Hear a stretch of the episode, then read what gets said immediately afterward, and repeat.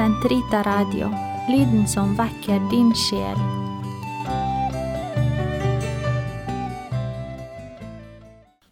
Den katolske kirkes katekisme uke 15, tirsdag paragraf 257 til 267. Guds verker og treenighetens sendelser, missiones. O hellige treenighet, du lys som ei av nedgang vet. Gud er evig salighet, udødelig liv og lys som ingen nedgang kjenner. Gud er kjærlighet, Fader, Sønn og Hellig Ånd. Fritt vil Gud meddele sin salighetsliv og herlighet.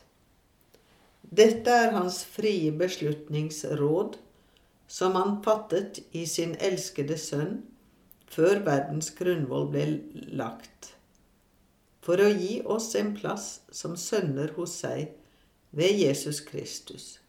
Det vil si, la oss bli dannet i Hans Sønns bilde. Takket være den ånd dere har fått, og som gir dere rang som barn. Denne plan er den nåde som Han har gitt oss i Kristus Jesus fra evighet av, og som springer like ut av treenighetens kjærlighet. Den utfoldes i skaperverket, i hele frelseshistorien etter syndefallet, og i Sønnens og Åndens sendelse, som Kirkens sendelse er forlengelsen av. Hele Guds frelsesplan og økonomia iverksettes av alle de tre guddommelige personer. For på samme måte som treenigheten har én og samme natur, så har den ett og samme virke. Faderen og Sønnen og Den hellige ånd er ikke tre opphav til skapningen, men ett opphav. Men hver av de guddommelige personer utvirker det felles verk ifølge sin persons egenskap. I samsvar med Det nye testamentet bekjenner derfor Kirken én Gud og Far som alt kommer fra, én Herre Jesus Kristus som alt er til ved, og én Hellig Ånd som alt er i. Det er først og fremst ved Sønnens inkarnasjon og i Den hellige ånds gave at de guddommelige personers egenskaper åpenbares. Hele Guds frelsesplan, som både er de guddommelige personers felles og på samme tid hver enkelts personlige verk, gir til kjenne deres egenskaper og deres felles natur. Hele kristenlivet er derfor samfunn med hver av de guddommelige personer, uten adskillelse. Den som priser Faderen, priser ham ved Sønnen i Den hellige ånd. Den som følger Kristus, gjør så fordi han blir draget av Faderen, og fordi Ånden fører ham. Det endelige mål for hele den guddommelige frelsesplan er at all skapningen skal komme inn til Den hellige treenighets fullkomne enhet. Men allerede her og nå er vi kalt til å la den aller helligste treenighet bo i oss. Den som elsker meg, han akter på mitt ord, så vil min far elske ham, og vi vil komme og ta bolig i ham. Å min Gud, du treenighet som jeg tilber, hjelp meg å glemme meg selv så jeg kan bo i deg.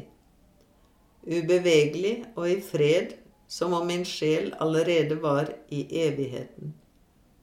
Måtte så intet forstyrre min fred eller ta meg ut av deg, og ubevegelige, men måtte hvert minutt føre meg lenger inn i dybdene i ditt mysterium. Måtte du roe min sjel, gjør den til din himmel, din elskede bolig og hvilested. Gi at jeg aldri må la deg alene, men at jeg er nærværende med hele meg, våken i troen, brennende i tilbedelsen, hengitt til din skapende gjerning. Kort sagt, Den hellige treenighets mysterium er det grunnleggende mysterium i kristen tro og kristent liv. Gud alene kan gi oss å kjenne det, og han åpenbarer seg som Fader, Sønn og Hellig Ånd. Sønnens inkarnasjon åpenbarer at Gud er den evige Far, og at Sønnen er av samme vesen som Faderen. Det vil si at han i ham og med ham er den samme og ene Gud. Sendelsen av Den hellige ånd, sendt av Faderen i Sønnens navn og av Sønnen fra Faderen, åpenbarer at han, sammen med dem, er den samme og ene Gud som med Faderen og Sønnen tilbes og forherliges. Den hellige ånd utgår fra Faderen som første kilde og som Faderens evige gave til Sønnen, fra Faderen og Sønnen i fellesskap.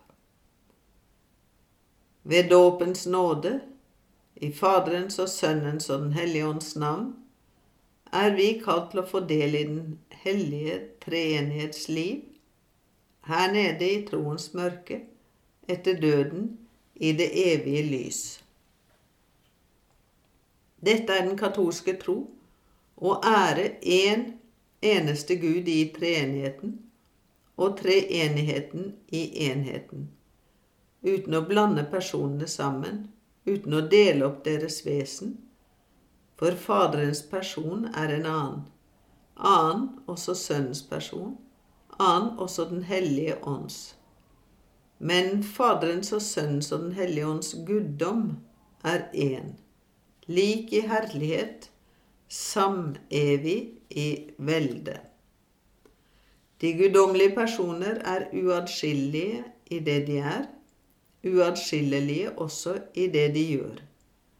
Men i den ene Guds virken gir hver person til kjenne det som er eget for hver av dem i treenigheten. Særlig det vi kaller de guddommelige sendelser, som er Sønnens inkarnasjon og Den hellige ånds gave.